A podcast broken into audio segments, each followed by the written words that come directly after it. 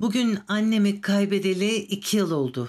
İki yıldır ıssızım, bir parçam eksik. Gülten Avar çok özel bir ruhtu. Her yaştan birçok kişi buna tanık oldu. Beni tanıyanlar bilir, aileme, dostlara ve tanıdıklara günce tutmalarını, hatırat yazmalarını söylerim. Anneme de yıllarca anlarını yazması için ısrar etmiştim. Bir gün çekmecesinden bir defter çıkarttı, yazmıştı.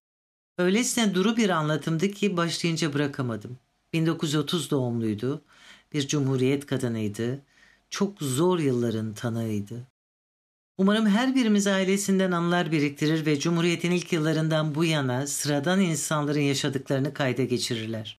Bu cefakar, fedakar insanlara olan borcumuzu ancak anılarını canlı tutarak ödeyebilir, ruhlarını şad ederiz. Yaşam öyküsünün bir bölümünü Gülten Avar'dan dinleyelim istedim bugün. Dokuz Oğuzlar derlermiş bize diye başlıyor. Dedem memlekette eczacıymış. Annem Raziye, Balkan Savaşı'nın ortasında 1911'de doğmuş. Selanik'in Nasliç kasabasından memlekete gelmişler. Meriç Nehri'ni kayıkla geçmişler. Tekirdağ'ın Kumbağ ilçesinde bir eve yerleşmişler. Yanlarında taşıyabildikleri kadar eşya ve yelek içine diktikleri keselerde az bir para. Fakat Yunan Trakya'ya yeniden girmiş, her şeyi bırakıp İstanbul'a kaçmışlar. Beşiktaş Ihlamur'da oturmuşlar, az zaman sonra dedem hastalanmış ölmüş. Anneannem dört çocukla ortada kalmış. Annemi ve Refik dayımı alıp Eskişehir'de abinin yanına sığınmış. O zamanki marif müdürü akrabamızmış. Anneannem ona başvurmuş, durumu anlatmış, dayımı okula yazdırmak için konuşmaya gitmişler. O gün odadan çıkarken marif müdürü teyzeme dönmüş, sarı kız sen de okumak istemez misin diye sormuş. Teyzem çok sevinmiş, teyzem ve Nuri dayımı yatılı okula kaydetmişler. Teyzem İzmir Öğretmen Okulu'nu bitirdi, Eskişehir'e gelip öğretmen olarak çalışmaya başladı. Babamın ailesi ise Yugoslavya'dan, Manastır'dan gelip Eskişehir'e yerleşmişler. Annemle çocukken tanışıp 20 yaşına varmadan evlenmişler. İlk çocukları Ayten ablam yaşamamış, ben beş kardeşin en büyüğüyüm. Eskişehir Hoşnudiye mahallesinde istasyon köprüsüne bakardı evimiz. Porsuk çayı kenarında büyük bir çayıra bitişiktik. Alt kat mutfak, oturma odası, çocukların odası ve babamın marangoz atölyesi. Annem, anneannem çok güzel yemekler yaparlardı. Aklımda kalan bir sepet var. Üzerinde bembeyaz bir örtü. İçinde kahve, şeker, cezve ve fincanlar. Dedemin fincanı sapsız, kallavi bir fincandı. Dedem köprü başında gözükünce hemen cezve mangala sürülürdü. Çok güzel günlerdi. Arka bahçede tavuklar, horozlar, kaz kümesleri vardı. Her sene 600 civarında kaz yavrusu yumurtadan çıkardı. Çayır da, porsuk da sarıya boyanırdı.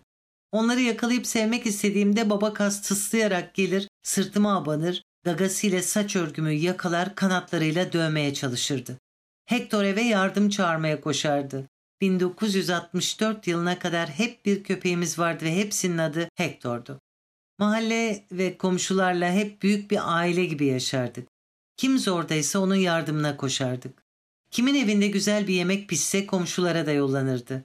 Herkes düğünde, cenazede bir bütün olurdu. Cenazeler evlerden kalkardı. Her cenazede üzüntüden hasta olur yatağa düşerdi. Kış geceleri karla pekmez karıştırılır ikram edilirdi.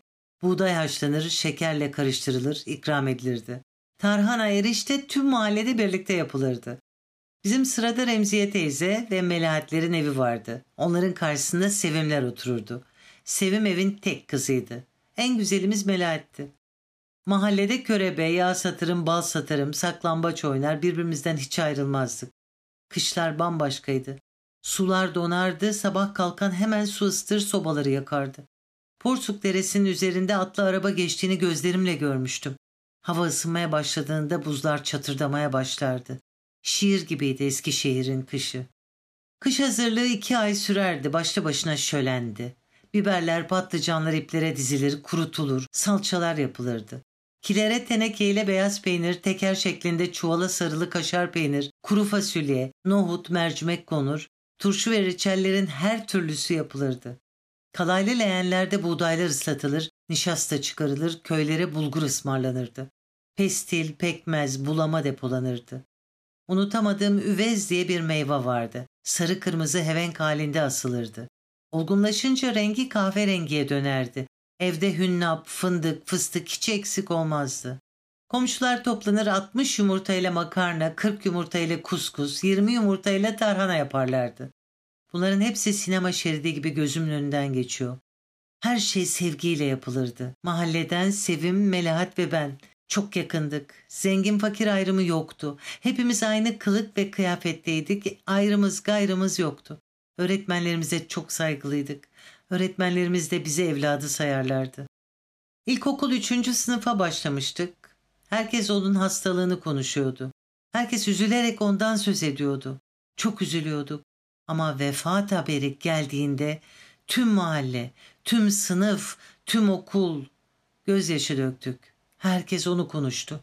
Aylarca kimse radyo açmadı. Kimse yüksek sesle konuşmadı. Sessizlik her yeri sardı. Sınıfta sadece o anlatıldı. Atatürk artık yaşamıyordu. Evet annemin anıları böyle.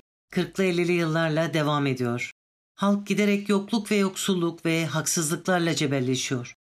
Dertli zamanlardan, hastalık ve yokluklardan geçerken bile güçlü olmak, irade göstermek, çevreyle yardımlaşmak ve gülümsemeyi yüzünden ve ruhundan eksik etmemek. Annemin ve o zamanın insanların özeti bu. Ruhları şad olsun. Onların yol göstericiliğinde ilerleyeceğiz. O ruhu gençlerimize taşıyacağız. Kaybetmeyeceğiz.